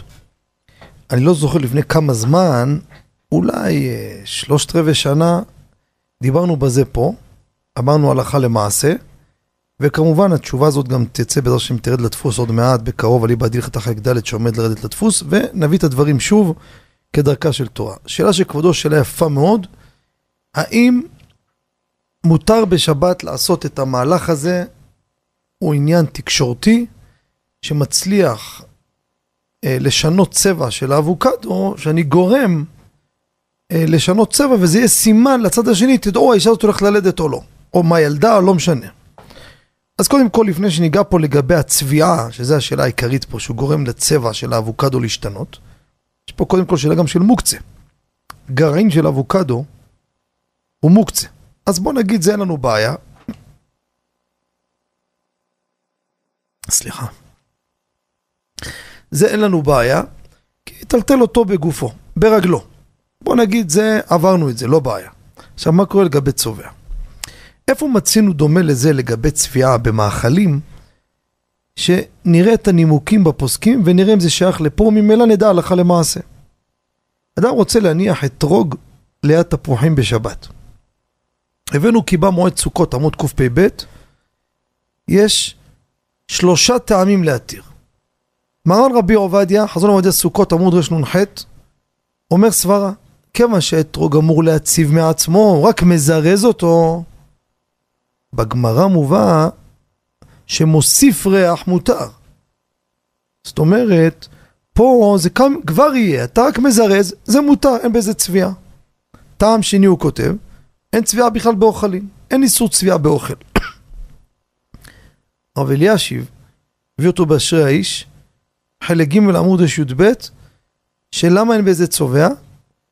אין זה צובע אלא הסרת הצבע הירוק וממילא הוא צהוב. זה לגבי האתרוג. לפי זה, אמרנו אותו דבר באבוקדו. זירוז שהאבוקדו לא יישאר תמיד ירוק במצב הזה, זה רק זירוז. אבוקדו לא יישאר תמיד. ברור. תיקח כל אבוקדו, בסוף הוא משחיר. אז מה אתה עושה? אתה רק מזרז את זה. דבר שני זה מאכלים. דבר שני, זה הסרת הירוק, וממילא הוא משחיר, כמו באתרוג, אותו דבר. עכשיו, אני הבאתי עוד סברה להתיר. השחרה זה לא צביעה, זה סוג התבשלות לפני קלקול. אחרי גם הטעם שלו שונה, מי שאוכל אבוקדו רואה שיש שוני. אז זה לא צביעה, אף שהוא מתכוון לצבע. בפרט שלא אכפת לאדם שינוי הצבע, אלא שינוי המצב. לכן נראה הלכה למעשה, המשחק הזה מותר בשבת, ואדרבה. לא ניסיתי, אבל לפי מה שבזמנו אז דיברו על זה, היה נשמע שהדבר הזה אמיתי, אפשר לעשות את הטריק הזה, וזה יהיה סימן לצד השני, לאימא שתתכונן ללכת לבית חולים, ביתה הולכת ללדת, לפי שינוי הצבע של האבוקדו, היא תדע איך לעשות. תודה רבה. כן. אה, עוד שאלה. כן. אה, היה נידון בכולל לגבי קידושין, טבעת של קידושין, לקדש בטבעת של כסף או זהב. הראש כולל אמר שהוא לא זוכר בחיים ש... שהוא ראה בכלל שמקדשים בטבעת כסף, כל מי שהוא מכיר, כולם קידשו בטבעת זהב. הראש אומר שלכם, מה הוא אשכנזי או ספרדי? אה, ספרדי. איזה עדה? אה, לא יודע. לא, לא יודע. הוא בחיים לא ראה מקדשים בכסף. הוא אמר כל. הזמן, זה... בכבוד, תמשיך, כן, מה כבוד אומר? הוא הראה לי גם אה, בסדרה של אה, הנישואין בהלכה ובהגדה, שהוא מביא שם שכל הבנים של מרן, הרב עובדיה, כולם, כל בניו קידשו בטבעות זהב, וכן המנהג פשוט. ככה. קודם כל וה- הבן איש חי, השאלה הייתה לגבי כן. אישה שלא לובשת את טבעת הכסף. אה, לדוגמה אשתי, היא לא, היא לא שמה את טבעת הכסף של הטבעת הנישואין. והשאלה אם יש בזה בעיה, שאם היא צריכה לשים אותה או לא. אני מבין שאם אתה שומע שיש בעיה, אתה ירקוד לאשתך טבעת זהב עכשיו, אני מבין. לא, ברוך השם שקניתי לה טבעת זהב גם אחרי לא, החופה, לא, הבאתי לה בבית. לא, לא, התכוונתי עוד פעם מעשה קידושין, מה שהבאת לה כבר גמרנו, אי אפשר לקדש אותה בו. בסדר. הבן איש חי, פרשת שופטים סעיף ח' כותב, יש נוהגים לקדש בשלוש מטבעות. או שזהב, כסף נחושת, מצווה מן המובחר כותב הבן איש חי, לקדש בטבעת כסף. זה קודם כל הבן איש חי, שזה מגדולי הפוסקים הספרדים, וכל החופות שאני ראיתי עד היום, כן? זה מה שאנחנו יודעים, קידשו בכסף. מה הסיבה לזה? אבל בואו נגיד קודם כל נביא את הצד באמת של הזהב. הרב אלישיב, במבקשי תורה, אלול תשס"ג. יש לי בבית שתי כרכים, נקראים שפתי כהן, זה לא של השח. תמיד חכם חיבר שתי כרכים עבים, נראה לי פרסמנו את זה פה פעם אחת באחת התוכניות. כולו עוסק בקידושין. הייתי בחלק א' עמוד תקא, מביא את הרב אלישיב, שאלו אותו אם עדיף לקדש בזהב או בכסף. הוא כותב, מנהג העולם על אשכנזים לקדש בזהב, והמהדרין מקדשים בכסף, כדי שלא להזכיר חטא העגל מזהב. כך הוא מביא. ספר נפש היפה זה הבן של הרב חיים פלאג'י. מערכת ל' כותב, הטעם, אומר, בכל, בכל המתכות, הסוג מתכת שקולו הכי נמוך זה הזהב. ויש משנה, אישה קולנית, אישה שהיא צועקת כל הזמן, יכול הבעל להוציא אותה. אז מקדש אותה בזהב לרמוז לה שלא יהיה הקול שלה נשמע, כמו הזהב הזה שהקול שלו נמוך, ככה הוא מביא. איך שלא יהיה, יש לפה ויש לשם. יש תשובות והנהגות, הרב שטרנבוך, הוא מביא לקדש בטבעת זהב, צהוב דווקא הוא כותב. הוא אומר כי בכל דבר אחר שהוא נותן לאישה, אחרי זה הוא תכף בנישואין הוא זוכה בפירות. אבל טבעת זהב שתכשיט, היא רוצה להתקשט בו, אז זה אליה גם לפירות. ובזה באמת קיבלה משהו לקידושין, ככה הוא רוצה לחדש. אבל בכל הפוסקים ודאי שזה לא לעיכובה גם לדעתו. הספרדים, תראו בספרים, יש עוד מקורות, שהכסף הוא רחמים. ואדם מקדש את האישה בכסף, כדי שיהיה פה להתחיל ברחמים, שהזיווג שלהם יעלה לא בדין אלא ברחמים, ולכן, אני לא יודע אם להגיד רוב, אני יודע שהספרדים נוהגים לקדש בכסף. ככה גם אני בישיבה, אני זוכר, אני לא, לא רוצה להגיד סתם בשם ראש הישיבה אם הורה או לא, אבל זה היה הוראה ברורה, תמיד מקדשים בכסף. אחרי זה מביאים לאישה גם מתנה, בנוסף, אחרי החופה, נותן לה טבעת זהב. אשכנזים, הם אומרים לקדש בזהב, אבל כמו שהבאנו פה תשובה של הרב אלישיב, שגם הוא אומר שהמהדרין מקדשים בכסף, עד כדי כך. אז זה מה שיש בתמצית העניין, אבל ודאי מה שקידשת, אין מה לדבר אפילו חלילה לעלות ספק ספק ספקה של איזה חשש או משהו, פשוט שאין שום בעיה בשום צד מי שלא עשה ככה. כן, יישר תודה רבה, כוח אבל- לכבודו. יש, יש עניין כן. אבל שהאישה תשים את הטבעת הזאת? לא, לא ידוע לי דבר כזה. לא ידוע לי. לא ידוע לי, אני לא יודע. אני לא אומר כן, לא אומר. לא. תודה רבה הרב. לא שמעתי. דבר כזה. שיהיה בהצלחה. תודה רבה הרב, תודה, שבת שלום. שבת שלום ומבורך. נעבור למאזין הבא, שלום וערב טוב. שלום עליכם, ערב טוב. ערב טוב. אה, יש לי שתי שאלות בקשר לתפילת כלים. יש עכשיו אה, כבר כמה שנים משהו חדש, אה, משקל דיגיטלי מזכוכית חסומה עם בטריה מלמטה. אז השאלה היא, תראה, השאלה היא, האם אה, המשקל הזה, כן, ששוקלים בו מאכלים, אתה יודע, שיבוש של גזי, דברים כאלה, אז אה, האם אה, זה טעון טבילה במקווה? ושאלה שנייה, בקשר כן. למפצח אגוזים, שגם, זה נוגע ולא נוגע באוכל, אז גם כן, האם הוא חייב בטבילת כלים? יפה. שתי שאלות מעניינות, מעשיות, ומה שנרוויח, חוץ מהלכה למעשה, יש פה גם כמה כללים חשובים שנדע אותם לגבי תפילת כלים. שאלה ראשונה של המאזין הנכבד, משקל דיגיטלי מזכוכית, האם צריך להטביל אותו או לא? יש לנו שולחן ערוך ביורה דעה, סימן קכ סעיף ד', הזכרנו אותו כמה פעמים. הביא מרן שמה לגבי טריפידש, לא יודע אם קראתי אותו טוב בלעז, כן? אבל זה חצובות, שופטים עליהם גדרות, אינם טעונות טבילה. אבל פדיליאש, שנותנים עליהם מאכל עצמו, זה טעונים טבילה. מדוע זה? בפסוק, סמוך דין ההגעלה וטבילה ביחד. דרשו רבותינו, טבילה שייכת רק בדבר שיכול להגיע לבליעה. אפילו שכעת הוא לא פולע, צונן למשל. זאת אומרת, מה הרעיון שמאכל נוגע? כיוון שמאכל נוגע בכלי, אז יש פה מציאות של בליעה, זאת אומרת אם היה חם היה בולע, ברעיון, לא חייב שיבלע עכשיו. על זה נאמר טבילת כלים. מפה למדו, צריך שיהיה המאכל נוגע בכלי עצמו. לפי זה, בא הגאון הרב שלמה זלמן נוירבך, הביא אותו טבילת כלים בעמוד נ"ה, דבר שבקביעות השימוש בו בכלי על ידי הפסק ניילון או נייר, לדוגמה, יש לי פה שקית חלב בכד. דרך כלל, הכד הוא לא נוגע בחלב, יש שקית. אז לא צריך טבילה. אומר, אבל אם הוא רק פורס ניילון או מפה, אז זה לא שימוש קבוע ככה, זה צריך טבילה. לכן, למעשה, בואו נראה איך משתמשים במשקל הזה. אם מניחים עליו את המאכל ללא שקית, או נייר, הפסק, אז זה יטביל אותו בלי ברכה. כיוון שלא אוכלים על ידו, הוא לא מכשיר את המאכל, לא כמו סיר בישול. או יקנה אותו לגוי, ויעשה לו קלקול, לפחד, אומר לי, תשמע, אני אטביל אותו, יתקלקל, אז לוקח אותו לאומן, שעושה לו איזה פירוק שמצריך אומן, ואז היהודי מתקן אותו, ואז נחשב שיהודי עשה אותו פטור מטבילת כלים. זה חלק מהפטנטים לפתור כלי מטבילה במקום שיש חשש לקלקול.